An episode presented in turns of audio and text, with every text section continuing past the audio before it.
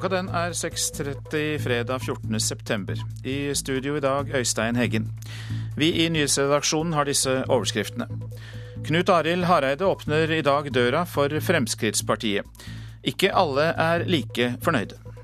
Nå har tyngdelovene tatt han, nå er makt det eneste måten å overleve på. Og det var Åshild Mathisen, kommentator i avisa Vårt Land, som kommenterte KrF-lederen. Flyselskapene har et ansvar for å hjelpe ansatte til å skatte korrekt. Det sier det svenske skatteverket.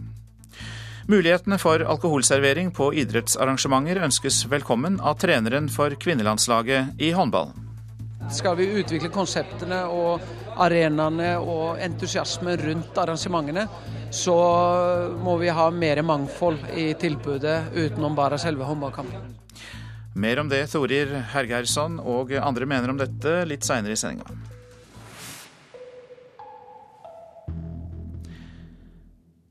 I dag vil Knut Arild Hareide åpne døra for Fremskrittspartiet når han holder tale til partifellene på landsstyremøtet i Kristelig Folkeparti. Men ikke alle støtter KrF-lederen. En av kritikerne er politisk kommentator i Vårt Land, Åshild Mathisen.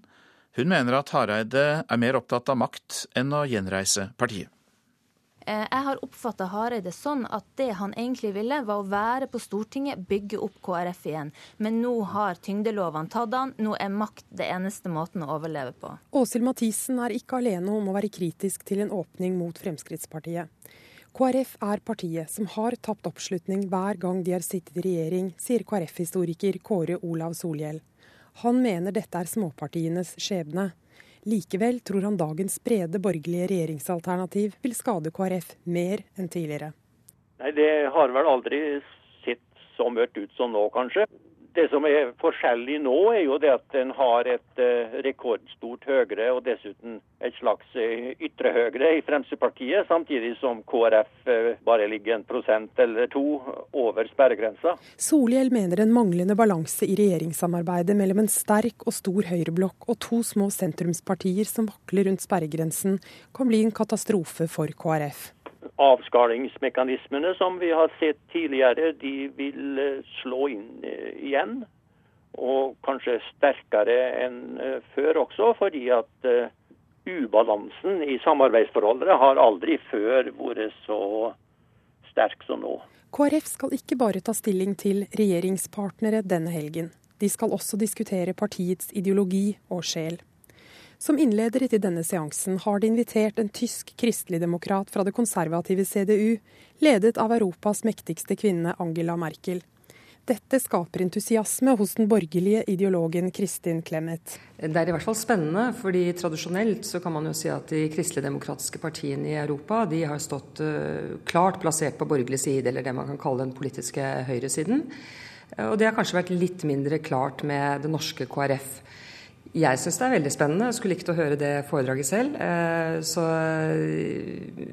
fordi dette er jo veldig store, betydningsfulle partier i mange land. Eh, men har da i større grad vært eh, søsterpartier til det liberalkonservative Høyre, og i mindre grad Kristelig Folkeparti. Men hvis de vil snuse mer på, på denne ideologien, så tror jeg det er veldig, veldig spennende. Flere unge KrF-ere har de siste årene vært aktive i den liberale tenkesmien Civita. Kristin Klemme tror dette har vært viktig for deres ideologiske utvikling og forståelse. Det er mange som har gått gjennom ideologisk skolering, både når det gjelder f.eks. liberalismen, konservatismen og kristendemokrati. Vi har jo utgitt publikasjoner om alt sammen.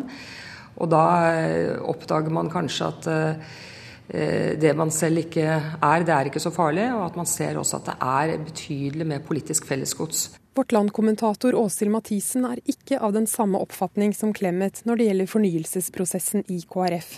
Hun mener et samarbeid med Frp representerer noe helt annet. Partiet kan ikke fornye seg hvis man bare klarer å fokusere på noen smale hjertesaker som man får gjennomslag for med Frp. Det KrF hadde trengt, var en leder som representerte noe helt nytt. Men KrF vil ha en brobygger mellom det konservative grunnfjellet og det mer moderne. Eh, og der står eh, Hareide. Han eh, må forholde seg til grasrota, og han må forholde seg til stadig tyngre blokkdannelser i norsk politikk. Det er et mareritt for han. Sa politisk kommentator i Vårt Land Åshild Mathisen til reporter Berit Aalborg. Store flyselskaper har et ansvar for å hjelpe piloter og kabinpersonell til å skatte korrekt. Det sier det svenske skatteverket til NRK. Den siste tida har NRK fortalt om stor skatteforvirring blant ansatte i flybransjen. Det er ikke så rart at de er forvirret, sier skattejurist Pia Blank Tørnros. Det er klart at det er svårt for en vanlig person som ikke er innsatt i skattereglene, å havne rett her med ulike land, ulike skattesatser og ulike sosialforsikringstilhørigheter. Så det er klart at det er svårt. Den europeiske flybransjen er sett under lupen av ulike lands skatteetater for tida. Den norske skatteetaten vil ikke kommentere granskinga til NRK. Den svenske våger å snakke om problematikken. Pilotene og flypersonalene i mange fall havnet i en svår situasjon. NRK har fortalt om selskapsstrukturen til Norwegian og Ryanair. Med selskap og baser i tre eller fire land er en av konsekvensene at piloter og kabinpersonell er totalt forvirra når det gjelder hvar og hvor mye de skal skatte. De har fortalt NRK at de heller ikke får klare svar når de spør skatteetaten.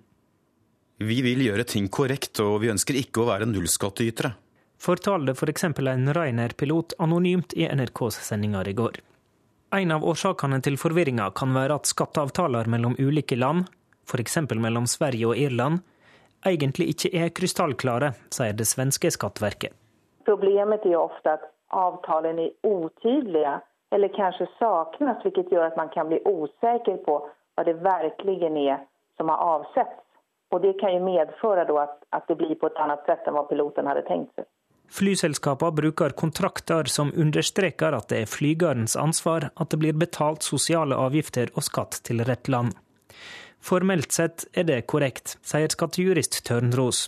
Men det betyr ikke at flyselskapene er fri for ansvar. Man har jo alltid selv det ytterste ansvaret for å redovise og tale om hvordan det ligger til med, med penger man har tjänat. Men, men personlig så kan jeg også tykke at store företag som har möjlighet att å anlite jurister og så, de borde jo ändå hjelpe sin personal og faktisk forklare for dem at du har ansvaret, men reglene ser ut så her. Skattejurist Pia Blank Tørnros til reporter Håvard Grønli. Forsvarsdepartementet vurderer å slå sammen spesialstyrkene til Hæren og Sjøforsvaret for å være bedre rustet til å takle et eventuelt terrorangrep. Dermed kan Forsvarets spesialkommando og Marinejegerkommandoen bli én en enhet i framtida. Forsvarsdepartementet venter nå på en utredning fra forsvarssjefen, skriver Bergens Tidende. 15-åringen som ble meldt savnet i Larvik i går, er funnet i god behold. Politiet sier at gutten var nedkjølt da han ble funnet, men ellers i fin form. 15-åringen ble meldt savnet da han ikke kom hjem fra skolen. Nå om en dramatisk biljakt i Kongsberg i natt. Føreren av en blå Ford Transit stakk av fra politiet i stor fart og kolliderte med en politibil som ble totalskadd.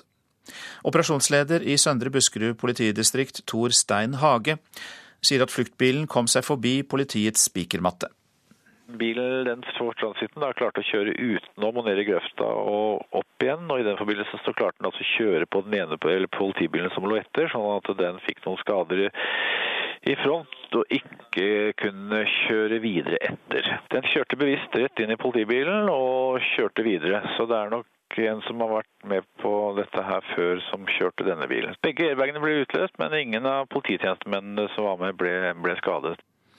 Det sa operasjonsleder Tor Stein Hage, som legger til at folk som har sett bilen, altså en blå Ford Transit, eh, bør ta kontakt med politiet. Nå til det avisene skriver. Leger måtte lete etter senger i stedet for å behandle pasienter, skriver Aftenposten om Akershus universitetssykehus. Flere døde på Ahus etter feilbehandling, og nestleder i sykehusets styre, Leif Frode Onarheim, trekker seg. Livsfarlig tasting i bilen, advarer VG. Det har vært en tidobling av mobilbruk blant sjåfører. Det kan gi 15 000 kroner i bot. Advarselen fra Nasjonen gjelder kyllingmangel. Nortura vil ha redusert toll på import fordi nordmenn spiser mer kylling enn norske bønder klarer å levere. Vesten forstår oss ikke, er oppslaget i Vårt Land. Mange mennesker i vestlige land undervurderer religionenes store betydning i Midtøsten, sier kristen egyptisk leder til avisa. Opprøret sprer seg, skriver Dagsavisen om protestbølgen i Midtøsten. Maktkampen etter den arabiske våren ligger bak, mener Midtøsten-forsker. Norsk oljejakt i ferieparadis er oppslaget i Dagens Næringsliv. Norske seismikkselskaper skal kartlegge om det finnes olje utenfor Kreta, Kanariøyene, den franske Riviera og Seychellene. Har så langt brukt 30 millioner kroner på advokater, sier forretningsmannen Berge Gjert Larsen til Bergens Tidende. Han skal i retten for skattesvik og bedrageri. Gjert Larsen sier han kjemper for alle skattebetalere. Vil ta arbeidslivet ut av EØS, skriver Klassekampen. Nå stiller Fremskrittspartiet seg bak kravet fra LO-grasrota om at arbeidslivsavtaler skal ut av EØS-avtalen, fordi den skaper byråkratisering og legger press på velferdsytelser. 2,5 milliarder kroner i rentekostnader for bygging av Bybanen til Flesland, skriver Bergensavisen. Det er like mye som en ny bane til Åsane ville ha kostet, og renteinntektene fra lånene er eh, god butikk for finansinstitusjonene, skriver avisa. Fem års smertehelvete for SV-politiker Anniken Annekstad, skriver Nordlys. Hun får ikke trafikkskadeerstatning for en nakkeskade, men vil ikke godta forsikringsselskapenes påstand om at hun uansett ville blitt ufør fordi hun har revmatisme. Han er kongeparets hemmelige helseterapeut, er oppslaget i Dagbladet. Naturmedisiner Tony Venbakken behandler både kong Harald og dronning Sonja på Slottet.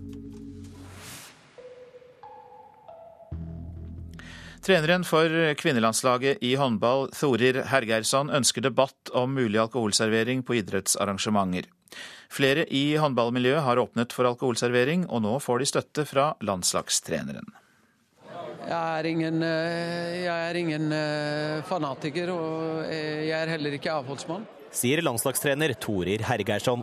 Han mener alkoholservering på håndballkamper her hjemme bør diskuteres. Det er veldig viktig, viktig for oss å være bevisst på eh, rollen vi har i samfunnet. Eh, vi er eh, forbilder for mange. samtidig så skal vi følge samfunnsutvikling. Vi skal være en del av å skape miljø for alle. Og det er ulike interesser og ulike behov. I går sa vikingtrener Gunnar Blombekk at servering av alkohol kan bidra til flere mennesker på seriekamper. Vi er litt grann i pølse- og vaffelstadiet og hjemmebaka kake osv. Å komme to timer innan og spise kake, det tror jeg ikke er så spesielt interessant. Også Håndballforbundet ønsker debatten velkommen, mens Idrettsforbundets Mats Steinar Andreassen avviser den. Jeg tror disse klubbene her bør vurdere hvordan signaler de sender ut til sine lokalmiljø, og om de ønsker å vise at, at eh, dette er noe de står for i sitt lokalmiljø. Hvis de ønsker at eh, alkohol og idrett skal være så tett linka sammen, så tror jeg at mange foreldre vil være skeptiske til å sende ungene sine til disse idrettslagene. Men nettopp den diskusjonen må tas, mener Hergeirsson dersom produktet norsk håndball skal videreutvikles.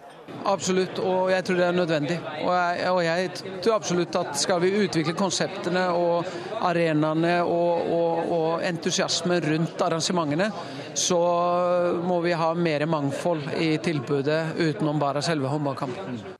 Reporter her Mats Håby. Dette er Nyhetsmorgen, og klokka den går mot 6.44. Vi har disse hovedsakene. Knut Arild Hareide, KrF-lederen, åpner i dag døra for Fremskrittspartiet når han skal holde tale til partiets landsstyre. Flyselskapene har et ansvar for å hjelpe ansatte til å skatte korrekt, det sier det svenske skatteverket. Og vi skal høre om Norges største bokfestival, som åpner i Oslo i dag, om noen minutter. Barn ned i tolvårsalderen ruser seg i grenlandsområdet. Foreldre NRK har snakket med i Skien og Porsgrunn, har hatt barn i rusmiljøet i flere år. De får dem ikke ut av miljøet, og de føler seg hjelpeløse. Reporter Anne Katrine Syvertsen har møtt noen av foreldrene. Så de henger her òg? De kjenner rusmiljøet i Grenland godt. Foreldrene som har møtt meg i undergangen ved jernbanestasjonen i Porsgrunn. De forteller om et hardt miljø hvor det ikke er uvanlig med våpen. Av frykt for represalier både mot dem selv og barna, er det jeg som gjenforteller historien deres. Nå er vi ved kammeret Løkka. Gjennom de siste årene har disse foreldrene kjempet for å holde barna borte fra rus. De forteller om lange netter på let etter en sønn eller datter som ikke har kommet hjem. På vei gjennom sentrumsgaten i Porsgrunn viser de meg steder. Der var første gangen jeg plukket henne opp, liggende på bakken, sørpefull. Eller jeg hadde lett etter sønnen min i mange timer da jeg endelig møtte på ham her. Et av barna var bare tolv år da det begynte med hasj. De viser meg gatehjørner hvor det selges narkotika. Hus med leiligheter de har oppsøkt i let etter barna sine. Det er jo gått noen år nå. Hva er det dere syns er mest fortvilende? Du er så alene. Det er en evig kamp. Rus har veldig styring, rus har all makt, forteller de. Så hvordan er det da å være på let etter et barn du ikke vet hvor er, eller hvem er sammen med? Det verste er redselen, sier en, og får samtykkende synonymer. Frykt, uro, at du aldri vet om det har skjedd noe, eller om det er ungdommen som bare ikke vil hjem. Frykten for at det virkelig har skjedd noe alvorlig denne gangen. Men hvordan var den opplevelsen når ungene glapp for dere? Altså at dere ikke klarte å, å gjøre noe? Du føler deg maktesløs. Som forelder føler du deg utrolig liten, svarer de. Er dette stedet jeg henger av? Under broa ved downtown? Under bybroa ved kjøpesenteret er det tørt og ille. Veggene er fylt med graffiti. Både senteret og undergangen er et kjent tilholdssted for ungdom. Forbi kjøpesenteret, i skogen bak fotballbanen på Sunnjordet, viser de meg ungdommenes fristed. Det ser ut som et fristed som de har funnet seg her. Dette stedet er det få som kjenner til. Innimellom tett barskog har noen laget et provisorisk telt av en grønn presenning. En trestamme gjør jobben som teltstang. Inni står en benk. En flaske med svidde hull. Rundt omkring ligger flere brusflasker med svidde hull i. Selvlagde hasjpiper, såkalte bong. Stedet ligger 100 meter fra Fredenes barnehage. De spede barnestemmene høres gjennom skogen. Litt lenger opp i bakken er et nytt sted. Fant dere noe her òg? Her ligger hasjpiper og sprøyter side om side. Her er sprøytehylster. Og der er det en sprøyte. Og en og annen brukerpose. Små plastposer hvor det har vært narkotiske stoffer. Ja, dere syns det er ekkelt? Kontrasten fra denne verden inne i skogen til den der ute som vi lever i, er stor. Også for hardbarkede foreldre, selv om de har opplevd mye. Reporter Anne Katrine Syvertsen. Humor, historie og erotikk det er tre av flere stikkord for Oslo Bokfestival, som åpner i dag. I tre dager så skal mer enn 200 forfattere opptre på 28 forskjellige steder i byen. Og Derfor er du kommet, Åse Garten Galterud, du er festivalsjef. Velkommen. Takk skal du ha. Eh, ja, Hva er det som får oss til å gå mann av huset for å høre om bøker når, eh, nå i lesebretten og elektronikkens tidsalder? Jeg tror eh, lesebrettene ikke gjør at vi leser noe mindre. Tvert imot. Nordmenn er jo et veldig boklesende folk. Ni av ti leste en bok i fjor, en eller flere bøker. Og så tror jeg det rett og slett har blitt vanligere å, å gå på litterære arrangementer. Det har jo blitt, blitt, en ganske rik flora av ulike typer, og jeg tror kanskje at det har oppstått noen synergieffekter. Der vi rett og slett går, går på mange arrangementer, alle som går på arrangementer.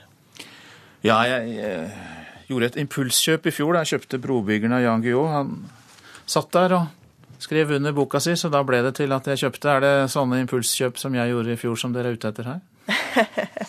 jeg er mest ute etter å lage en, en fin festival for publikum med eh, stor bredde. Vi har jo som du sa 200 forfattere, så det er jo noe for enhver smak. Eh, om forfatterne får solgt en bok, så er vel det også OK. Men hva er det som fascinerer deg med å møte forfatterne ansikt til ansikt? Jeg syns jo ofte at det gir en ekstra dimensjon å høre på, på, dem snakke om boka si. Og så skaper det jo mye nysgjerrighet, for det er klart at uh, man har jo gjerne ikke lest alle på forhånd. Så det er også en fin måte å oppdage nye forfatterskap på. Hvilke, det er snakk om 28 steder rundt i byen. Hvilke steder er det man kan møte dem? Det er det meste av arrangementene foregår midt i sentrum i Spikersuppa. Der er det fire scener. Så er det også på Se Hesteds plass, plassen mellom Aschehoug og Gyllendal, er det fire scener. Så er det i tillegg på forlagshus og, og i bibliotek og på kafeer og utesteder. Det har jo vært mye fokus rundt Karl Ove Knausgård. I år kommer kona, Linda Bostrøm Knausgård. Hva tror du om henne som trekkplaster? Det er jeg usikker på. Jeg har invitert henne mest fordi, fordi, jeg er nysgjerrig på forfatterskapet. Hun skriver jo veldig annerledes eh, enn eh, det mannen gjør. Og hun skal jo i en samtale med Trude Marstein. Det tror jeg kan bli veldig fint. Jeg tror de to, eh, de to har en del fellestrekk i sine forfatterskap. Du hadde lyst på å få henne på besøk. Er det andre ting som hører til dine favoritter? På årets program så må jeg si, eh, jeg må si at Anthony Beaver, som eh, skal på scenen i dag, er jeg veldig spent på. Eh, han kommet jo med et kjempeverk om andre verdenskrig, så det blir spennende å høre han snakke om det. Og I tillegg så ser jeg veldig fram til Linda Eide i morgen, som er kjent bl.a. her fra NRK. Hun kommer med en bok om sin mor, som jeg kan anbefale veldig varmt. Det er ikke du som skal åpne festivalen? Det er det ikke. Det er eh, kronprinsessen som skal gjøre den formelle åpninga av festivalen. Så det skjer i dag klokka fire i Spikersuppa. Kronprinsesse Mette-Marit, intet mindre. Åse Garterud Galterud, tusen takk for at du kom for å fortelle om eh, bokfestivalen i Oslo. Det har kostet 1,2 milliarder kroner å bygge, og det har fått Nord-Europas beste akustikk. Vi snakker om eh, det nye konserthuset i Stavanger. Men eh, det viser seg at høstprogrammet ikke skiller seg nevneverdig fra det som blir å høre på kulturhus eh, land og strand rundt, eh, sier kritikerne i Stavanger. Ja, jeg har faktisk lyst til å gå på Kurt Nilsen. Det er ikke lett å gjøre alle til lags. For mens enkelte mener at konserten med Gullstrupen fra Arne er høstens musikalske høydepunkt, klager andre på at det er for mange turnerende artister på programmet til Stavangers nye konserthus. Blant dem er Øyvind Berekvam i Konserthusets programråd.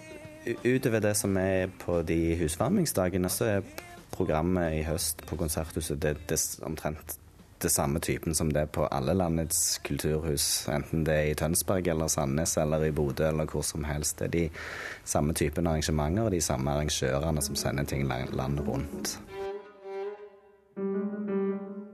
I desember spiller Leif Ove Ansnes med Christian Tetzlav i Stavangers nye stolthet. Et bygg i rød betong og glass til 1,2 milliarder kroner. Men det blir ikke mange slike stjernetreff i salen som skal ha Nord-Europas beste akustikk, sier Torgrim Rød og Kjell Anders Pettersen i Stavanger kammermusikkfestival. Forhåpentligvis får vi jo flere aktører og artister neste år og årene framover som kan plasseres i en virkelig stor, fantastisk flott sal. De har fått en ny sal, men eh, jeg vet ikke ennå om de har fått en, eh, en ny eh, programmering av den grunn. Det blir mye trygt og lett for hele familien, sier musikkanmelder i Stavanger Aftenblad, Leif Tore Lindø. Det er jo først og fremst et kjempeløft for, for klassisk musikk. Orkesteret får et voldsomt løft. Og så er det den, ehm, den andre salen som blir eh, Sånn som det ser ut nå, så er det litt sånn familie- og voksenunderholdning som dominerer. Det er noe vi ikke har sett før, men òg en del ting som vi har hatt eh, som vi har hatt før. Det viktigste er å trekke folk til huset for første gang, med f.eks. Mons-musikalen. Så kan vi etter hvert invitere mer tungtfordøyelige artister, sier konserthusdirektør Per Harald Nilsson. De første tiden her så er det jo ikke noe problem. Det er solgt ut 20 hus. Men det er jo da til en musikal. Så har vi jo ambisjoner om å bevege oss over på mange andre sjangere og nye uttrykk som kanskje ikke folk i Stavanger er så vant med. Det blir en større utfordring, men det vil vi jo da utvikle over tid. Musikkanmelder i Stavanger Aftenblad Leif Tore Lindø til reporter Sofia Paskiewicz. Fortellinger om enkeltskjebner dominerer journalistikken som omtaler asylpolitikken her i landet. Kjersti Torbjørnsrud forsker på mediedekningen av asylsaker, og sier at den kan føre til at enkelthistoriene overskygger de store linjene. I Tromsø har saken om ti år gamle Yalda Bahadori og hennes foreldre fått stor medieoppmerksomhet. De frykter å bli splittet opp som familie og sendt ut av landet. Livredd for å miste pappa. Det var første gang familien stilte opp da. I redaksjonslokalene til I Tromsø ser sjefredaktør Jørn Christian Skoglund og journalist Per Christian Johansen på oppslagene om Hjalda. Ja, Vi har et oppslag i februar i 2012 på at det ikke er noe håp for Hjalda. Um... Hvis en sak skal få mye oppmerksomhet, eh, da, da trenger man eh, en, en fengende historie og et ansikt. Så Sånn sett dominerer det. Medieforsker Kjersti Torbjørnsrud ved Universitetet i Oslo leder et internasjonalt forskningsprosjekt som ser på hvordan enkeltsaker som den om papirløse Maria Amelie og andre enkeltskjebner preger dekninga i norske nyheter. Det det kan føre til, er jo at at det vekkes et veldig stort engasjement rundt disse enkeltsakene, men uten at man nødvendigvis diskuterer premissene og premissene for norsk innvandringspolitikk generelt. Da. Forskerne undersøker også hvordan politikere opplever det å bli konfrontert med sterke enkeltskjebner. De sier at uh, hva skal vi stille opp med mot tårer og mot følelser? Uh, vi, skal, vi, er representanter for, for, en politikk som skal være konsekvent. Uh, og, og, det er vanskelig å komme med og nå igjennom med vår argumentasjon i forhold til den bevegende enkeltsaken. Justisdepartementet og statssekretær Pål Lønseth inviterer nå journalister til møte om medias formidling av innvandringssaker. Det som jeg nok savner en del innimellom, er eh, også eh, å belyse de problemstillingene som eh, reiser seg i enkeltsaker, utover det å påpeke at kanskje noen er i en vanskelig situasjon eh, osv. Der tror jeg nok fortsatt at journalister har kunnet bli belyst eh, en del problemstillinger eh, bedre enn hva, de, hva man ofte ser.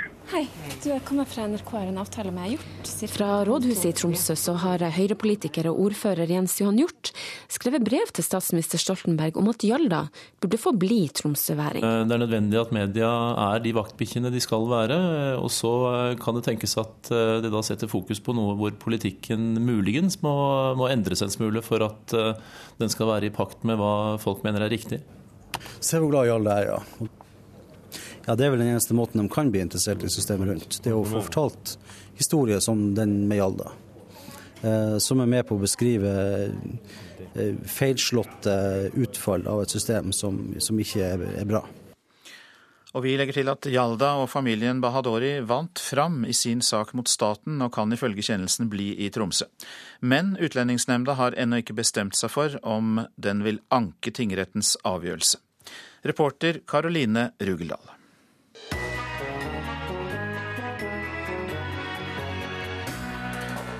De norske soldatene i Afghanistan skal være ute av landet innen 1.10, og i 2014 skal alle de vestlige militære styrkene være trukket ut.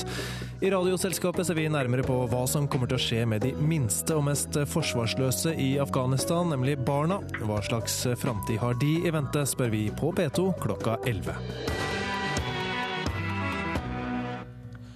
Nå om eh, været fram mot midnatt. Fjell i Sør-Norge. Sørvest stiv kuling utsatte steder, vesentlig i kveld. Og så blir det regnbyger. Østlandet får sørvest bris, stiv kuling på kysten. Enkelte regnbyger. I kveld vestlig bris, frisk bris på kysten og pent vær.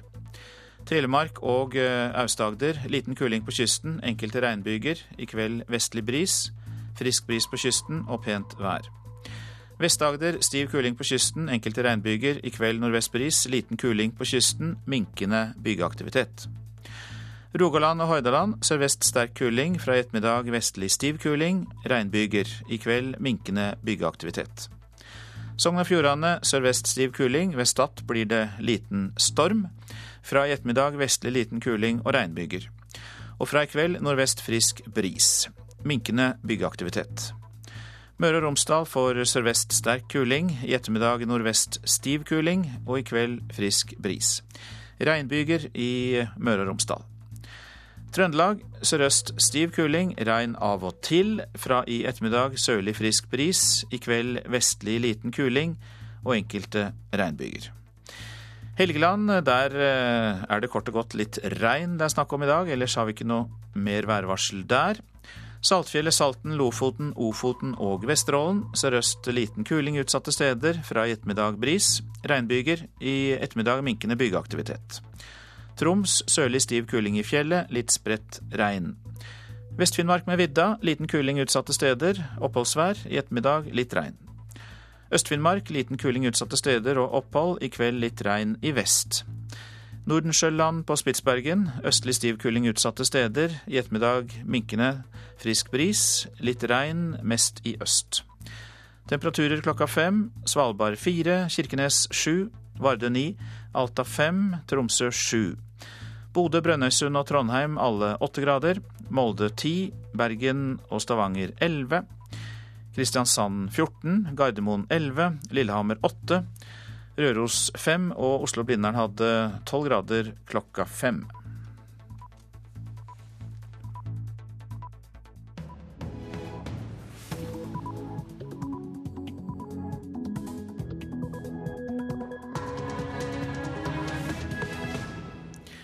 Klokka er sju. Du lytter til Nyhetsmorgen på P2 og Alltid nyheter. Her i studio Øystein Heggen. Dette er en nyhetsoppdatering. Politimestere mener norske politifolk er godt nok trent og ikke trenger mer fysisk fostring.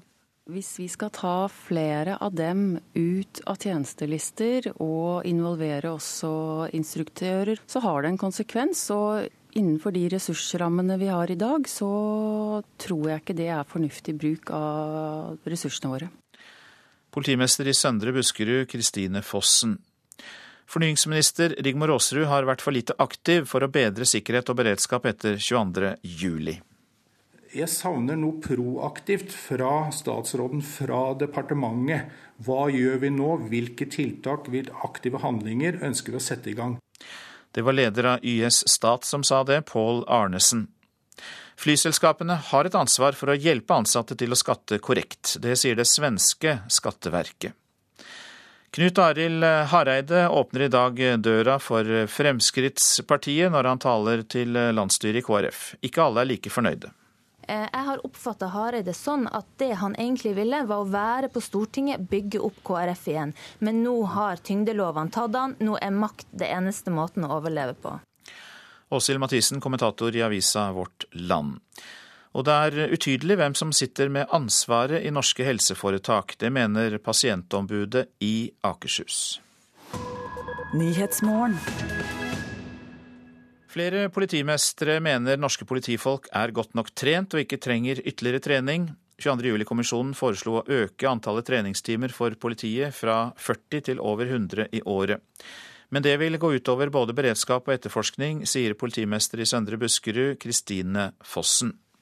I utgangspunktet så mener jeg at vi har en god kvalitet, og vi trener på de ulike nivåene nok slik det er i dag. I politietaten så er vi ute i daglig tjeneste. Vi er i krigen, eh, for å kalle det det, hver eneste dag. Vi håndterer um, en masse situasjoner som egentlig gir dem god trening. I dag må politifolk som er godkjente for væpna oppdrag, trene 40 timer i året. Dette er langt fra nok, mente 22.07-kommisjonen. Myndighetenes evne til å beskytte menneskene på Utøya sviktet. En raskere politiaksjon var reelt mulig. Gjerningsmannen kunne ha vært stanset tidligere 22.07 sa Alexandra Beck Gjørv, som mener det er nødvendig å mer enn doble tallet på treningstimer for at politifolk skal bli bedre til å løse skarpe oppdrag. For det første skal vi øve mer og øve bedre. Sa Jens Stoltenberg da han fortalte Stortinget hvordan regjeringa skal følge opp kommisjonen sin rapport. Men å bruke mer tid til trening kan få alvorlige konsekvenser, sier politimeisteren, som sjøl hadde mannskap på Utøya den 22. juli. Først og fremst så vil det gi svekket beredskap fordi vi tar mannskaper ut av den ordinære tjenesten. Og det vil også gå utover etterforskningen vår, som vi må prioritere. Heller ikke konstituert politimeister i Telemark, Rita Kilvær, mener flere treningstimer er en god idé. Vi vil ta eh, ressursene vekk fra gjøremåla færre folk eh, ute i patrulje, færre folk til å løse oppgavene og færre folk til å drive etterforskning. Arne Johannessen i Politiets Fellesforbund sier han forstår dilemmaet politimeistrene er oppe i, men han støtter likevel kommisjonen sitt forslag. Det er behov for eh, mer trening og mer fokus på operative disipliner, eh, så dette må følges opp. Det skjedde en rekke polititabber den 22. juli. Kunne ikke noen av disse vært unngått hvis politiet hadde vært bedre trent?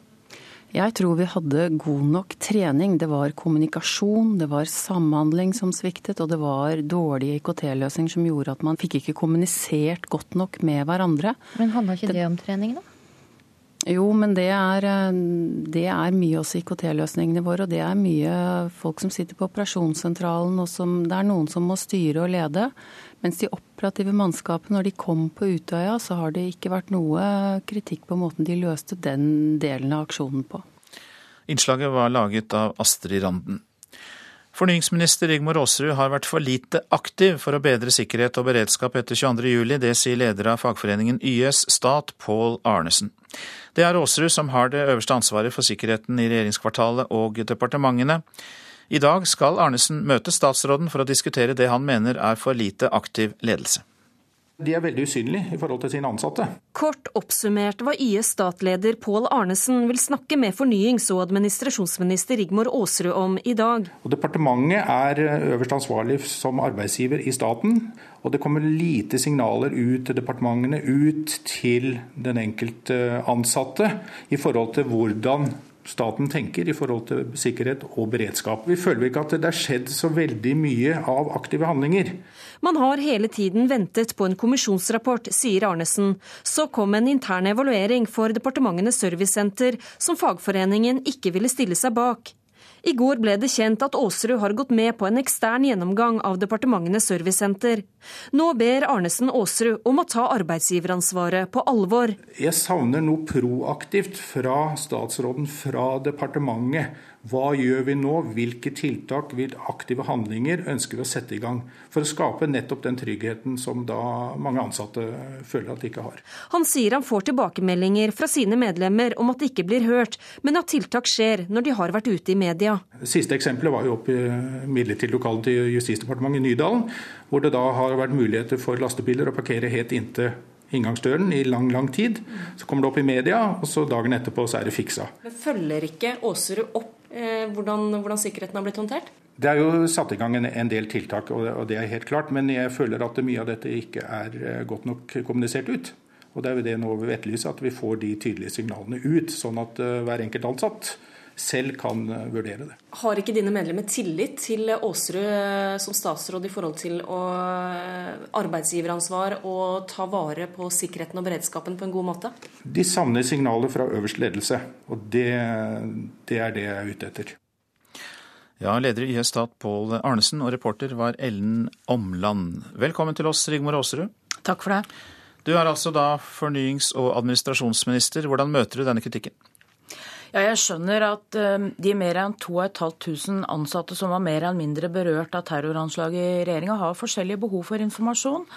Og Derfor så har jo vi brukt tid eh, med eh, de som har det daglige arbeidsgiveransvaret i de forskjellige departementene, med å kunne informere dem. Det har vært løpende orienteringer på de ukentlige departementsrådsmøtene. Vi har hatt møte med personallederne og sikkerhetslederne. Det har vært eh, mange allmøter der vi har deltatt på. Vi har hatt allmøter felles for de ansatte. Men hatt... usynlig var ordet som ble brukt her? Jo, det, det får jo stå for så vidt for Pål Arnesens regning. Jeg er opptatt av at vi faktisk gjør gjør noe. Og vi har brukt mye tid på å systematisere sikkerhetsarbeidet vårt i departementene nå. Og vi har hatt eh, ei god gruppe eh, med fagfolk fra politiet, eh, fra Forsvarsbygg, fra PST, i tillegg til våre egne folk, som har vurdert sikkerheten. Og så skjønner jeg at det kan være spørsmålsstillinger knytta til hva vi gjør, og hvorfor ting skjer før i et departement eller et annet departement. Det er det jo mange grunner til. Og jeg ser fram til å ha en god samtale med Pål Arnesen i dag, der vi går går gjennom de tiltakene som er gjort, og hvilke planer vi har framover. Og så får vi diskutere. Jeg er veldig åpen ja, for at vi skal ha en god dialog med de ansatte om, om, sikkerhet. Og de som har tatt opp ting med meg, senest i går så var det noen tillitsvalgte i Arbeidsdepartementet som tok kontakt. I løpet av dagen hadde vi møter og prøvde å svare på de spørsmåla de hadde. Så vi er veldig åpne for å gjøre det, og det skal vi fortsette med også i tida framover. Ja, men du bruker jo ordet møter, og kanskje er dette noe som eh, pågår i de lukkede rom? For det som ble etterlyst i innslaget her, var jo synlige tiltak. At lederne går direkte ut til de ansatte og viser til synlige tiltak, og tiltak man kan gjøre for å bedre sikkerhet. Ja, og det er viktig. og Derfor så har vi som sagt da brukt de forskjellige departementsrådene, som jo har det daglige arbeidsgiveransvaret. Det er, det er 140 000 ansatte i staten, så sånn direkte oppfølging til hver enkelt kan vi ikke ha. Eh, for å informere om det vi gjør. Eh, og så er det mye arbeid knytta til å få på plass de enkelte sikkerhetstiltakene nå. Det er uro knytta til trafikk, som vi har jobba mye med for å få på plass gode løsninger knytta til det. Så jeg skjønner at de ansatte har stort behov for informasjon, og da skal jeg ta en god prat med Pål Arnesen i dag, og så håper jeg at vi kan finne fram til egna måter å informere mer på, hvis det er det som er hovedspørsmålet. Opplever du kritikken mot deg som eh, rimelig eller urimelig? Opplever du den som ubehagelig? Nei, kritikk. Jeg har jo sagt uh, flere ganger at jeg har oppfordra ansatte til å ta opp uh, ting. Hvis de ikke får uh, svar på de spørsmåla de har hos sine nærmeste foresatte, så, så, er jeg veldig åpen for at man kommer til meg. Det har skjedd to ganger nå etter ferien. En runde med noen ansatte i Parat, som er, er en av organisasjonene hos YS, og en, en, hendelse i går der vi hadde møter direkte. og Det syns jeg er helt greit at vi har sånn. og Derfor så er det jo helt greit at YS også tar opp at de ønsker mer informasjon. Men så håper jeg også at eh, Pål Arntzen er noe mer konkret i den kritikken han kommer med når vi skal møtes seinere i dag. Ja, Hvis han hører på dette, så får han da prøve å være mest mulig konkret når han møter deg. Fornyings- og administrasjonsminister Rigmor Aasrud, takk for at du kom til studio.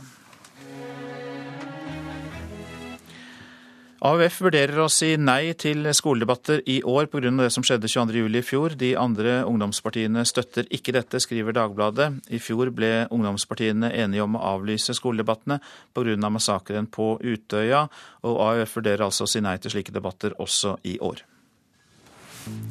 Dette er Nyhetsmorgen. Klokka den passerte 7.11. Dette er hovedsaker. Flere politimestre mener norske politifolk er godt nok trent og ikke trenger ytterligere trening. Knut Arild Hareide åpner i dag døra for Fremskrittspartiet. Han skal holde tale på KrFs landsstyre. Flyselskapene har et ansvar for å hjelpe ansatte til å skatte korrekt. Det sier det svenske skatteverket til NRK. I muslimske land er det frykt for nye og store demonstrasjoner etter fredagsbønnen i dag. Protestene mot den islamkritiske amerikanske filmen ser bare ut til å øke i styrke. Og i Egypts hovedstad Kairo har sammenstøtene mellom demonstranter og politi fortsatt natta gjennom.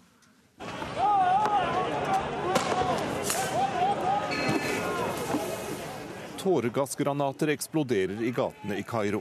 Demonstranter kaster stein mot opprørspolitiet. Gjennom hele natta har det vært sammenstøt mellom politi og demonstranter i nærheten av USAs ambassade i Egypts hovedstad. Etter stormingen av den amerikanske ambassaden i Jemen i går, er det nå frykt for nye og omfattende protester i muslimske land etter fredagsbønnen i dag. Den amerikanske filmen som sverter islam og profeten Muhammed, har satt sinnene i kok. Det hele startet med angrepet på det amerikanske konsulatet i Benghazi i Libya på tirsdag, der den amerikanske ambassadøren og tre andre diplomater ble drept. Nå sier libyske myndigheter at de vil bedre sikkerheten i landet. Uh,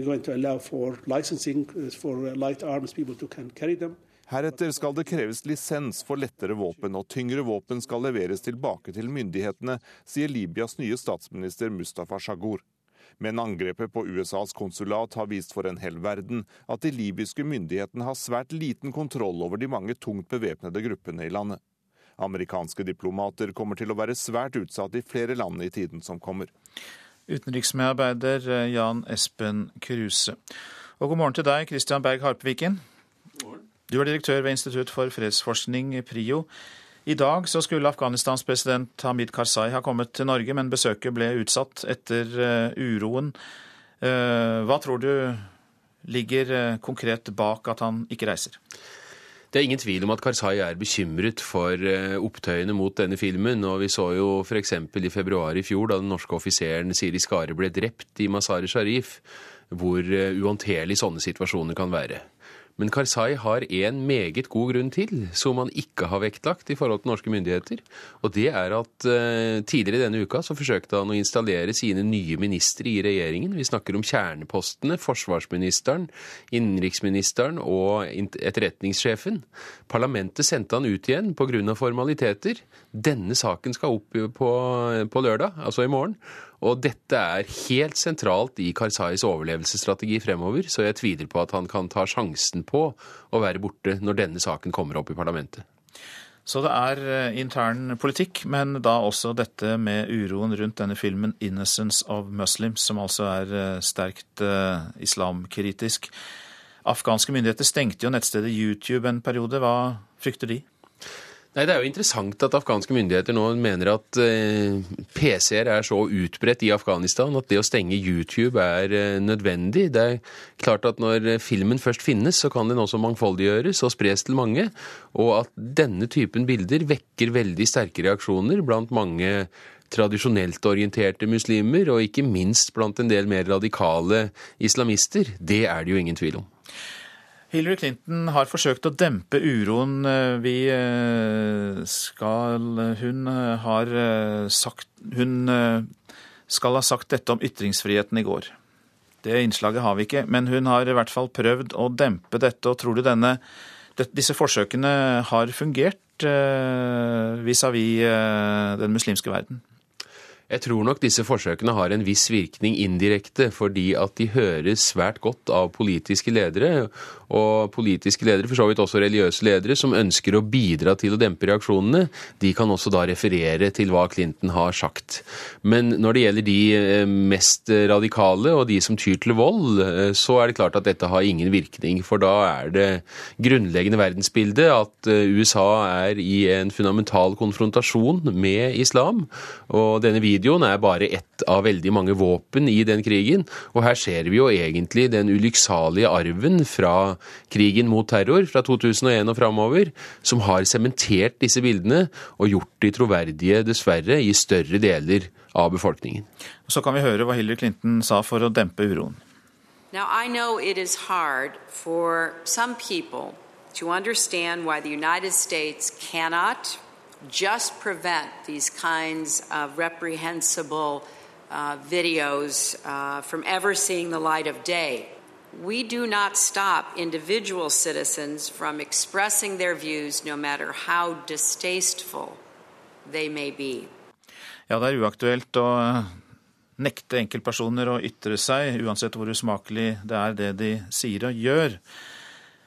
Men dette er altså en klar provokasjon. Det forstår alle som ser filmen. Sammenlignet med de provokasjonene karikaturene førte med seg, altså de danske karikaturene, hvordan stiller de seg i forhold til hverandre, de to tingene? Nei, karikaturene var jo ikke nødvendigvis først og fremst ment for å provosere. Eh, det var ikke hovedhensikten. Så på mange måter så kan man jo si at dette er en mye grovere akt. Kanskje ligner det mer på den, denne Florida-pastoren som brente en koran og la ut på, på YouTube i, i fjor åpenbart siktet inn mot å, å trigge en konfrontasjon. Eh, og da ser vi jo at eh, radikale handlinger på den ene sida trigger et radikalt motsvar på den andre sida. Ikke overraskende, klassisk konfliktdynamikk. Men den fornuftige diskusjonen mellom folk som faktisk vil ha en dialog, den overskygges fullstendig av noen ekstremister ytterst på sidene. Det er fredagsbønn i hele den muslimske verden i dag. Hvordan ser du på risikoen for uro i forbindelse med den, eller kanskje særlig etter den? Nei, Det er klart det er fredagsbønnen som, som, er det store risikopunktet i løpet av uka. Det vil alltids finnes eh, predikanter i moskeene som vil være interessert i å bruke dette til å fyre opp de som kommer til fredagsbønn. Eh, så det er eh, sånn sett en, en, veldig spennende dag. For hvis fredagen i dag, den første fredagen etter at disse videoene eh, vakte reaksjoner, hvis fredagen i dag går bra, så da kan man jo håpe at dette vil gå bra fremover. Men potensialet er jo enormt, og vi husker jo tilbake fra de enorme demonstrasjonene som gikk over hele Midtøsten etter karikaturstriden for en god del år tilbake. Eh, man kan ikke utelukke at potensialet her er like stolt, selv om vi skal minne oss om at den politiske situasjonen er svært forskjellig etter den arabiske våren. Ja, for fører den arabiske våren til at uh, man uh, får færre uh, slike demonstrasjoner, eller får man flere fordi folk har større frihet?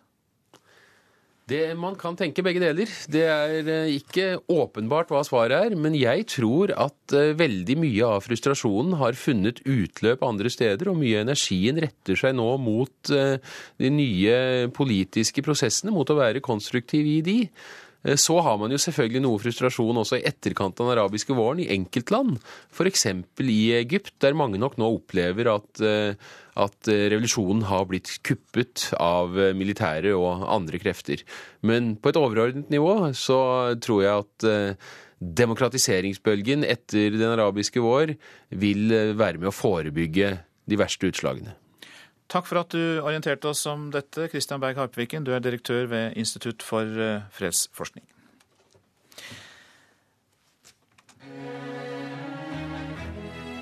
Det er eh, utydelig hvem som sitter med ansvaret i norske helseforetak. Det sier pasientombudet i Akershus, Knut Fredrik Torne. Styrenestlederen ved Akershus universitetssykehus trakk seg etter skandalene, noe som førte til at pasienter mistet livet pga. feilbehandling. Men det er helseministeren og Helse Sør-Øst som har ansvaret for tilstanden ved sykehuset, mener pasientombudet i Akershus. Etter mitt ståsted så legger eh, organiseringen her opp til at det kan skje en ansvarspulverisering, og det mener jeg det blir gjort i dette tilfellet. Her eh, skyver helseministeren ansvaret ned på Helse Sør-Øst, som skyver det videre ned på ledelsen på Ahus. Nestlederen i styret ved Akershus universitetssykehus, Leif Frode Onarheim, trakk seg i går etter alle problemene som har vært avdekka ved sykehuset den siste tida. I en kronikk i VG i dag skriver Onarheim at det er vanskelig å leve med at noen pasienter kan ha mista livet pga. for lav bemanning. Helt forferdelig. Jeg syns det er tragisk. Igjen må jeg jo si at Vi vet ikke om det skyldes denne situasjonen, men, men, men, vi kan ikke utelukke at de gjør det. og Da ønsker jeg å si til alle de som er blitt berørt, at jeg er veldig lei meg for det. Avgangen skjer kun to dager etter at Helsetilsynet ga Ahus kraftig kritikk etter at en 20 år gammel kvinne døde av komplikasjonene da hun skulle operere mannland. Pasientombud Knut Fredrik Torne respekterer Onarheims avgjørelse, men mener ansvaret blir skjøvet nedover i systemet. Og I denne saken så mener jeg at det er helseministeren og Helse Sør-Øst som har hovedansvaret for at dette har gått som det har gjort. Statssekretær i Helsedepartementet Robin Koss henviser videre til styreleder i Helse Sør-Øst, Per Anders Oksum, som beklager Onarheims avgang. Men det må vi bare ta til etterretning at han har valgt det. Dere har ikke på noen måte fraskjøvet dere noe ansvar i denne saken her? Jeg, jeg, kan ikke forstå det, men uh, det er det da tydeligvis uh, forskjellige oppfatninger av. Men jeg, jeg, jeg, forstår ikke det at det er noe ansvarsavskrivelse overhodet i den saken der sånn. Reporter her, det var Ole Marius Rørstad. Politi og letemannskaper har eh, lett i hele natt etter en savnet klatrer i Æresfjord på Kvaløya utenfor Tromsø. Klatreren ble meldt savnet i går kveld. Deler av utstyret til mannen er funnet i bratt og krevende terreng. Politiet avsluttet søket klokka fire i natt pga. dårlig vær og vanskelige leteforhold. Søket etter mannen, som altså er i Æresfjord på Kvaløya utenfor Tromsø, det blir nå tatt opp i morgentimene når eh, lyset kommer. Oljeprisen har i dag steget til sitt høyeste nivå på fire måneder. Grunnen er at den amerikanske sentralbanken i går bestemte seg for å kjøpe obligasjoner på boliggjeld for 40 milliarder dollar i måneden i et forsøk på å bedre økonomien i landet. Oljemarkedet reagerte umiddelbart med oppgang. Ekspertene peker også på urolighetene i Midtøsten som årsak til prishoppet på olje. Så tar vi for oss avisene. Leger måtte lete etter senger i stedet for å behandle pasienter, skriver Aftenposten om Akershus universitetssykehus. Flere døde på Ahus etter feilbehandling, og nestleder i sykehusets styre, Leif Frode Onarheim, trekker seg altså. Livsfarlig tasting i bilen, advarer VG. Det har vært en tidobling av mobilbruk blant sjåfører. Det kan gi 15 000 kroner i bot. Og advarselen fra Nasjonen i dag gjelder kyllingmangel. Nortura vil ha redusert toll på import fordi nordmenn spiser mer kylling enn norske bønder klarer å levere. Vesten forstår oss ikke, er oppslaget i Vårt Land. Mange mennesker i vestlige land undervurderer religionens store betydning i Midtøsten, sier kristen egyptisk leder til avisa. Opprøret sprer seg, skriver Dagsavisen om protestbølgen i Midtøsten. Maktkampen etter den arabiske våren ligger bak, mener Midtøsten-forsker. Norsk oljejakt i ferieparadis er oppslaget i Dagens Næringsliv. Norske seismikkselskaper skal kartlegge om det finnes olje utenfor Kreta, Kanariøyene, den franske Riviera og utenfor Seychellene. Har så langt brukt 30 millioner kroner på advokater, sier forretningsmannen Berge Gert Larsen til Bergens Tidende. Han skal i retten for skattesvik og bedrageri. Gjert Larsen sier han kjemper for alle skattebetalere. Vil ta arbeidslivet ut av EØS, skriver Klassekampen. Nå stiller Fremskrittspartiet seg bak kravet fra LO-grasrota om at arbeidslivsavtaler skal ut av EØS-avtalen, fordi den skaper byråkratisering og legger press på velferdsytelser. 2,5 milliarder kroner i rentekostnader for bygging av Bybanen til Flesland, skriver Bergensavisen. Det er like mye som en ny bane til Åsane ville ha kostet, og renteinntektene fra lånene er god butikk for finansinstitusjonene, skriver avisa. Fem års smertehelvete for SV-politiker Anniken Annekstad, skriver Nordlys. Hun får ikke trafikkskadeerstatning for en nakkeskade, men vil ikke godta forsikringsselskapets påstand om at hun uansett ville blitt ufør fordi hun har revmatisme. Han er kongeparets hemmelige helseterapeut, er oppslaget i Dagbladet. Naturmedisiner Tony Venbakken behandler både kong Harald og dronning Sonja på Slottet.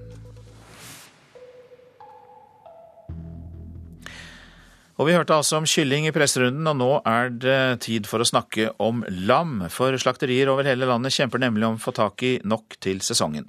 Det har ført til kraftig priskonkurranse mellom ulike slakterier. Enkelte overbyr hverandre i kampen om råstoff. Sauebonde Arve Dahl i Eid kan konstatere at hans lam er gull verdt om dagen.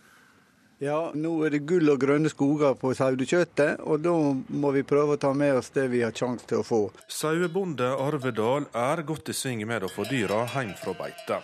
Slaktesesongen er alt i gang, og etterspurnaden etter lammekjøtt er rekordhøy, melder kjøttbransjen. Det gjør at sauebøndene nå opplever stort påtrykk fra slakteri som vil ha dem på leverandørlista. Ja, jeg må nå si sånn så, så vi har sagt i alle år, jeg har nå veldig bra lam, da, men, men eh, de lover og lover, og så får vi se. For det er rene priskrigen mellom slakteriene for å få tak i nok lammekjøtt. I Stryn slakter Nordfjordkjøtt 22 000 lam nå i sesongen. Men bøndene går etter det slakteriet som er mest attraktivt.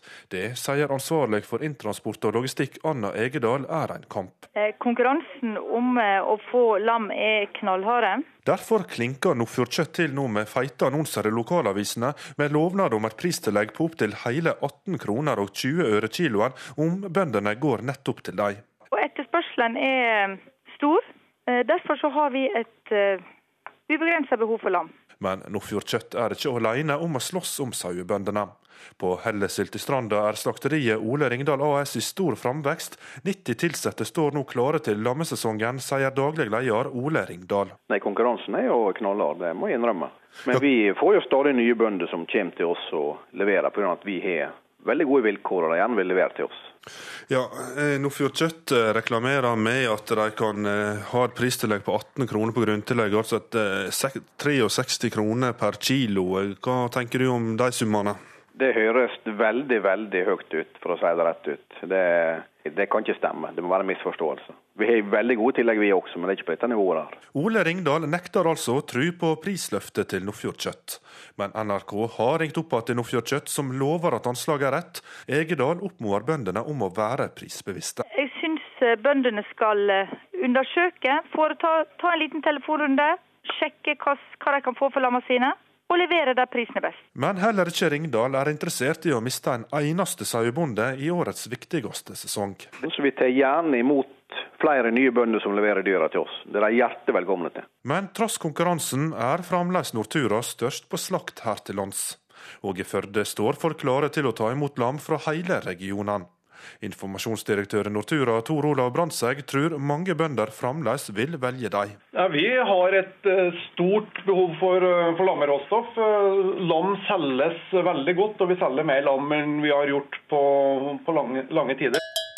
På Nordfjordeid er Arve Dahl kresen på hvem han leverer til. I årevis leverte han til Nortura, men kutta ut da de la ned det lokale slakteriet på Nordfjordeid. Da mista alle arbeidsplassene, og så da valgte jeg Nordfjordkjøtt. Så vi får se. For i år vender han tilbake til Nortura. Vi, vi, tar, vi tar det litt etter litt. Dale tror på ekstra flotte lam i år etter en god beitesesong. Men Dahl, som også er leder i Eid Sei og Geit, mener også slakteriene burde skjerpe seg. Hadde de vært flinkere med tidlig informasjon, kunne flere bønder fått mer ut av konkurransen om råstoffet. Disse her eh, annonsene som kommer nå, det er, det er en måned for seint. Reporter, det var Asgeir Reksnes. Etter Dagsnytt skal vi besøke en nybygget kirke i Spania som er reist til ære for Olav den hellige. Til Politisk kvarter kommer KrF-leder Knut Arild Hareide. Han får spørsmål om partiets veivalg foran neste års stortingsvalg. Og Hareide er allerede kommet til studio, for han skal du også få høre i Dagsnytt, som begynner om få sekunder. Prosent for Nyhetsmorgen, Ragnhild Bjørge. Her i studio, Øystein Heggen. Kari Ørstavik gjør seg klar med Dagsnytt.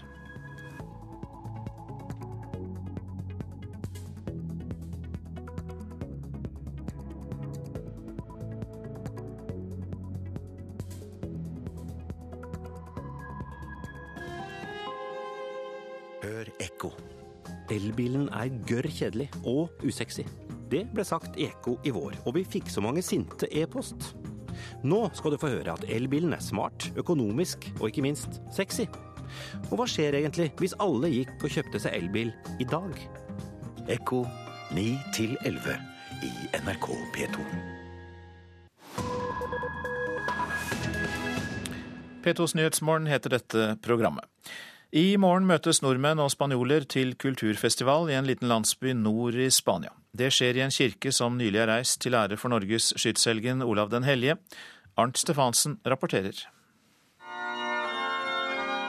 Det er messe i stiftskirken i Covarrubias, en liten landsby drøyt 20 mil nordøst for Madrid. I denne kirken finner vi de jordiske levningene av prinsesse Kristina, Håkon Håkonssons datter, som i det herrens år 1257 reiste til Spania og giftet seg med prins Felipe, broren til en av de store spanske middelalderkongene, Alfonso den tiende, med tilnavnet Den vise.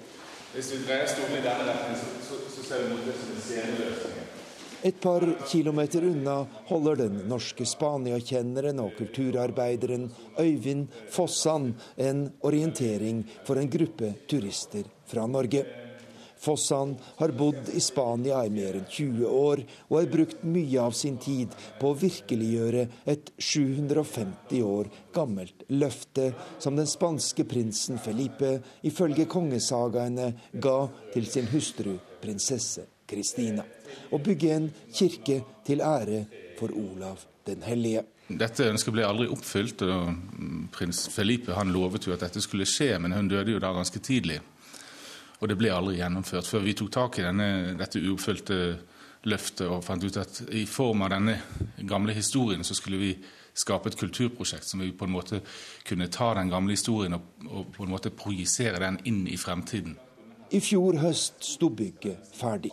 Bygningen ligger fint til i landlige omgivelser like utenfor den nordspanske landsbyen, og brukes både som kirke og kulturhus.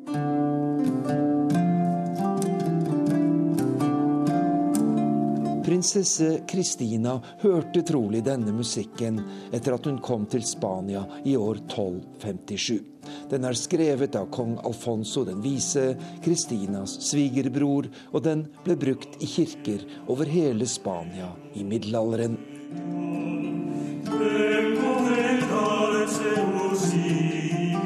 Kongen av Castilla var en av de mektigste i Europa og gjorde krav på den tysk-romerske keisertronen. I kampen om keisertronen søkte han allierte, blant dem Norges konge Håkon Håkonsson, som var en viktig europeisk leder på denne tiden. Dette var trolig bakgrunnen for det norsk-spanske ekteskapet på 1200-tallet, sier Øyvind Fossan. Vi mener at dette er et ledd i hans politiske kampanje. Å skape en allianse der med Håkon Håkonsson, og eh, også da kunne få sjansen til å komme til denne tronen, som han aldri fikk.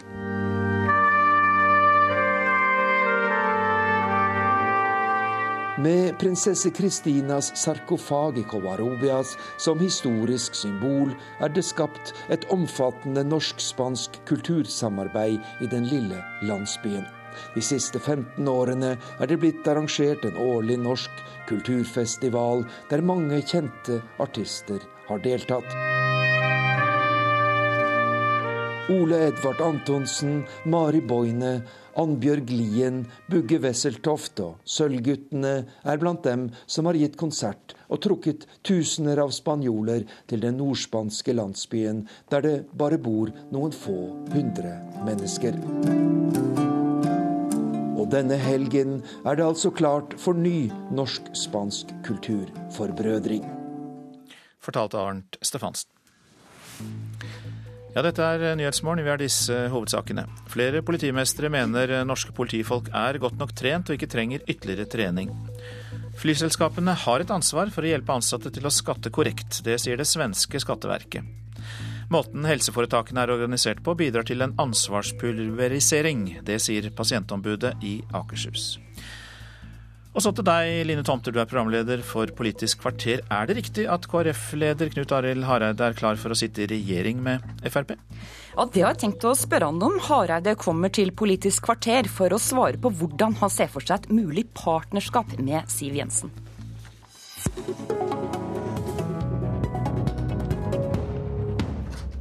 Velgerne har ventet vinter og vår på å høre hvilken vei KrF-leder Knut Arild Hareide skal gå. Denne helgen får vi svaret på partiets viktigste veivalg i nyere tid. Knut Arild Hareide, leder i KrF. Er det virkelig sant at du sier ja til å sitte i en regjering med Frp? Jeg vil iallfall ikke utelukke det, men jeg sier òg samtidig at det er lite sannsynlig. Eh, og det er jo pga. den politiske forskjellen det er mellom KrF og Frp i viktige saker. Vi skal komme tilbake til disse forbeholdene. Først skal vi høre at politisk kommentator i Vårt Land, Åshild Mathisen, uttalte til Politisk kvarter i går at Hareide virker mer opptatt av makt enn å gjenreise partiet. Eh, jeg har oppfatta Hareide sånn at det han egentlig ville, var å være på Stortinget, bygge opp KrF igjen.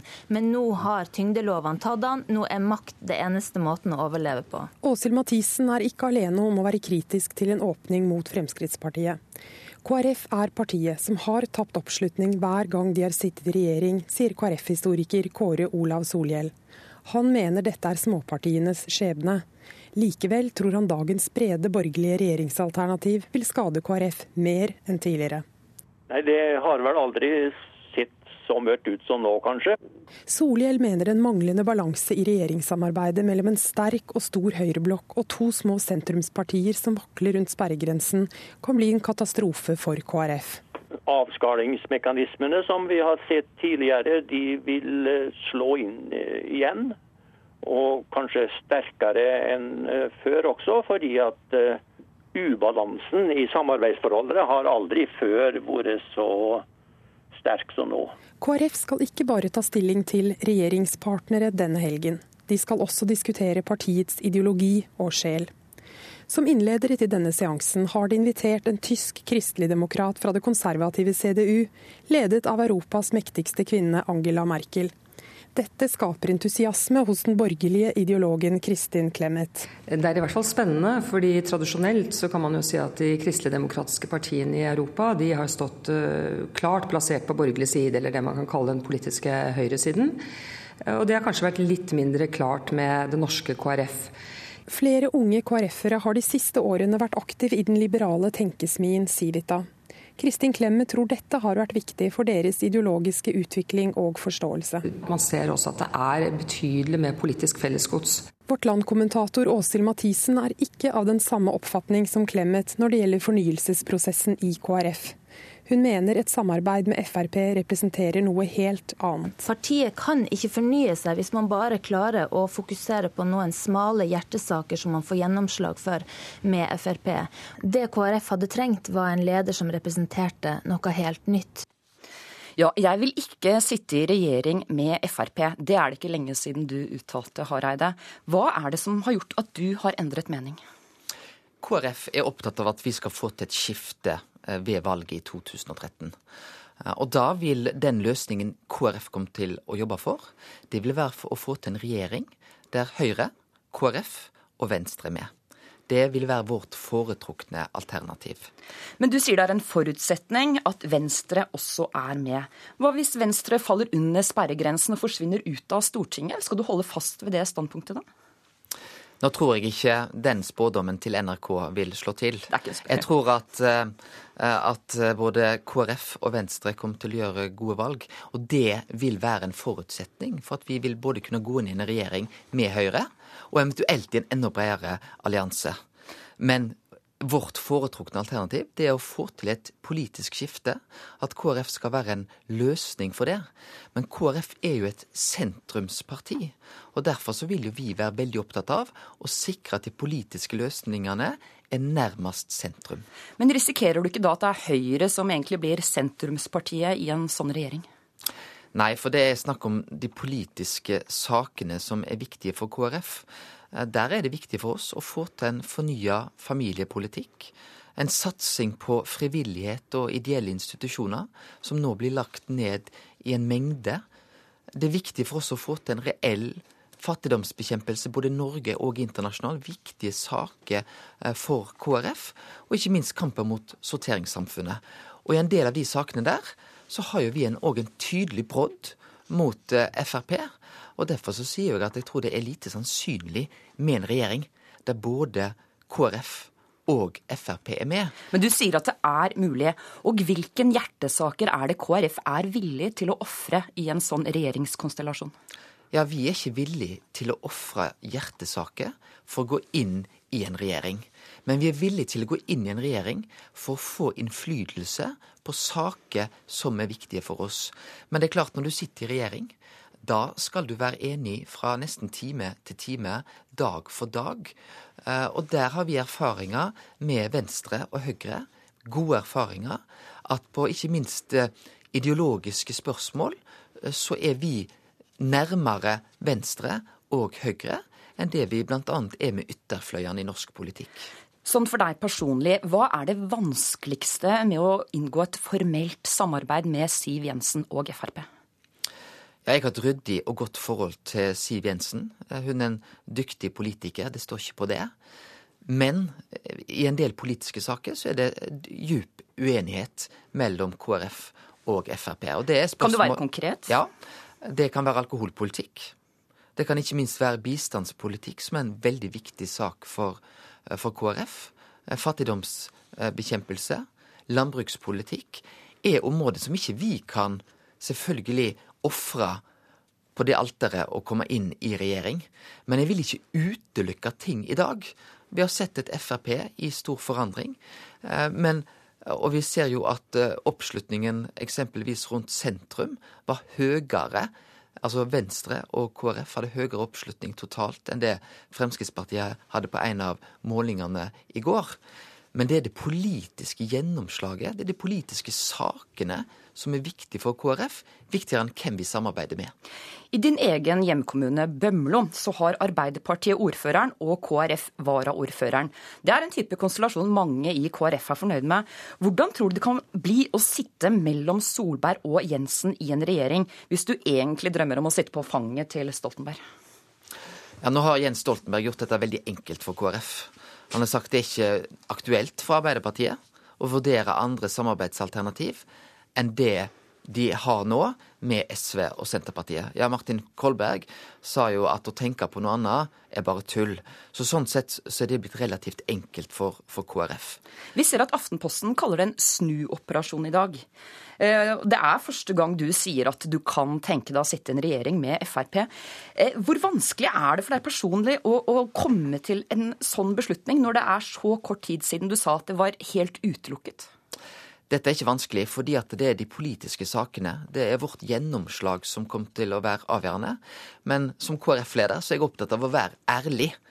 Og jeg er jo tydelig i dag på å si at eh, det er lite sannsynlig, eh, og det går på, på forskjellen.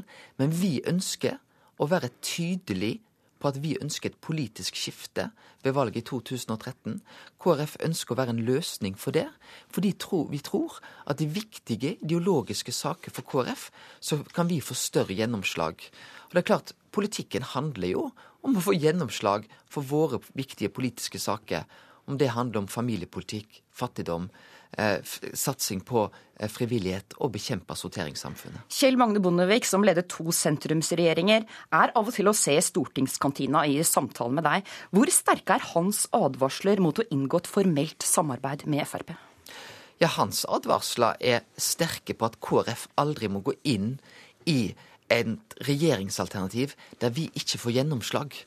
Eh, KrF kan ikke være pynt på et samarbeid vi må ha reell gjennomslag. Og til det så trenger vi en styrka oppslutning fram mot valget. Men det en skal vite ved å stemme på KrF, det er at da får du satsing på KrFs verdisaker, på fattigdom, på familie, kampen mot sortering. Og vi får et skifte ved valget i 2013. Til slutt i går så skrev Anders Anundsen han skrev på Facebook i går at dere forsurer samarbeidsklimaet ved å løpe til Arbeiderpartiet bak ryggen på de andre borgerlige partiene. Hva er din kommentar til Anundsens lille utspill? Ja, Det er bare tull fra lederen i kontrollkomiteen. Og jeg hadde forventa mer av nettopp lederen i kontroll- og konstitusjonskomiteen. KrF opptrer ryddig, men vi har fått tillit fra de rød-grønne partiene til et viktig verv. Og Geir Jørgen Bekkevold kom til en utmerket jobb som leder og saksordfører for den viktige høringen eh, og kontrollsaken som nå er i kontroll- og konstitusjonskomiteen. Lykke til med talen klokken 10.40 i dag. Tusen takk for at du kom, KrF-leder Knut Arild Hareide. Politisk kommentar Politisk kommentator i NRK, Magnus Takvam. Hvor vanskelig tror du denne beslutningen har vært for Hareide? Det har vært en krevende beslutning, men jeg tror det er en beslutning eh, Hareide har eh, skjønt måtte komme allerede da han ble valgt som eh, ny partileder etter Dagfinn Høybråten. Og Derfor er, tror jeg nok, en del av si, prosessen fram til denne helgen, når den formelle beslutningen skal tas, nettopp har vært for Hareide å ta ledelsen, slik at ikke dette tross alt historiske linjeskiftet ville framstå som om han ble presset av de kristenkonservative og høyresiden i eget parti, så har det vært viktig for han å underveis nå da signalisere til de grader at dette kom. At nyheten i dag på en måte ble gjemt inne i avisen og kommer ikke på, på førstesiden. Så dette er en lenge varslet nyhet. Men krevende har selvfølgelig beslutningen vært. Det skjønner alle.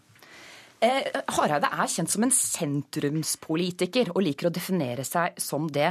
Eh, hva tror du er hans største dilemma akkurat nå? Eh, dilemmaet er selvfølgelig forholdet til Fremskrittspartiet. Eh, og det Hareide selv eh, begrunner eh, denne åpningen for også å kunne sitte teoretisk da, i regjering med Frp med, er at det er en direkte følge av det valget partiet gjør om å gå inn for et regjeringsskifte i 2013.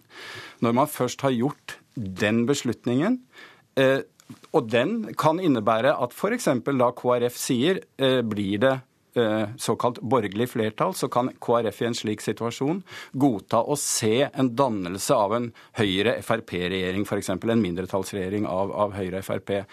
I så fall ville det være ulogisk, mener han, å uh, kunne forklare overfor sine egne velgere og medlemmer at de utelukker selv i en gitt situasjon å sitte i regjering med Frp. Men dette blir en slags form for dobbeltkommunikasjon, tross alt, som er, er vanskelig. Så her ligger selvfølgelig eh, det krevende for et parti som KrF i en sånn beslutning. Ja. Men lykkes Hareide med denne dobbeltkommunikasjonen? Altså, Han lykkes i forhold til sin, sin, sitt eget parti. Det er, det er, eh, ingen tvil om at partiet som sådan nå er konsolidert rundt denne strategien. Det verken Hareide eller jeg eller andre vet, er hvordan dette vil slå ut når det gjelder velgeroppslutning eh, til neste år. Det er klart at en, dette er en beslutning som er KrF er tvunget inn i i et politisk polarisert landskap, der alle ser eh, et svekket sentrum, svekkede mm, småpartier, bortsett fra de blå-blå og Arbeiderpartiet. Sånn at i en polarisert uh, politisk kamp mellom disse to fløyene, så, så kan ikke KrF, mener de, være utydelige i regjeringsspørsmålet. Det var det de mente de tapte på i 2009, da ingen helt visste hva partiet, verken de eller da Venstre den gang, ville lande på. Man må ta standpunkt til det på forhånd, mener man nå, og, og det er det som utløser eh, det vi snakker om. Så det er denne polariseringen som gjør at dette kommer akkurat nå? Ja, blant annet. Og selvfølgelig det eh, poenget eh, som er en følge av det, at i politikken så svinger jo pendelen. Alle ser det at etter to perioder med en rød-grønn regjering som har et såpass stort internt sprik i koalisjonen, med den slitasje og de kompromisser det fører til, så er det i et rikt samfunn som Norge et behov for fornyelse. Folk vet ikke helt hva de vil få, eh, tross alt, men de vil gjerne ha noen nye ansikter. Og det ser også eh, KrF. Og så er det en tredje, eller en, en annen veldig viktig forutsetning for det som nå skjer, nemlig at Høyre partiet Høyre er det største og det ledende på ikke-sosialistisk side. Det hadde vært mye vanskeligere for KrF dersom situasjonen hadde vært med et sterkt Frp og Siv Jensen som spydspiss i, i opposisjonen. Tusen takk, kollega Magnus Takvam. Da er Politisk kvarter fredag over. I studio satt Line Tomter.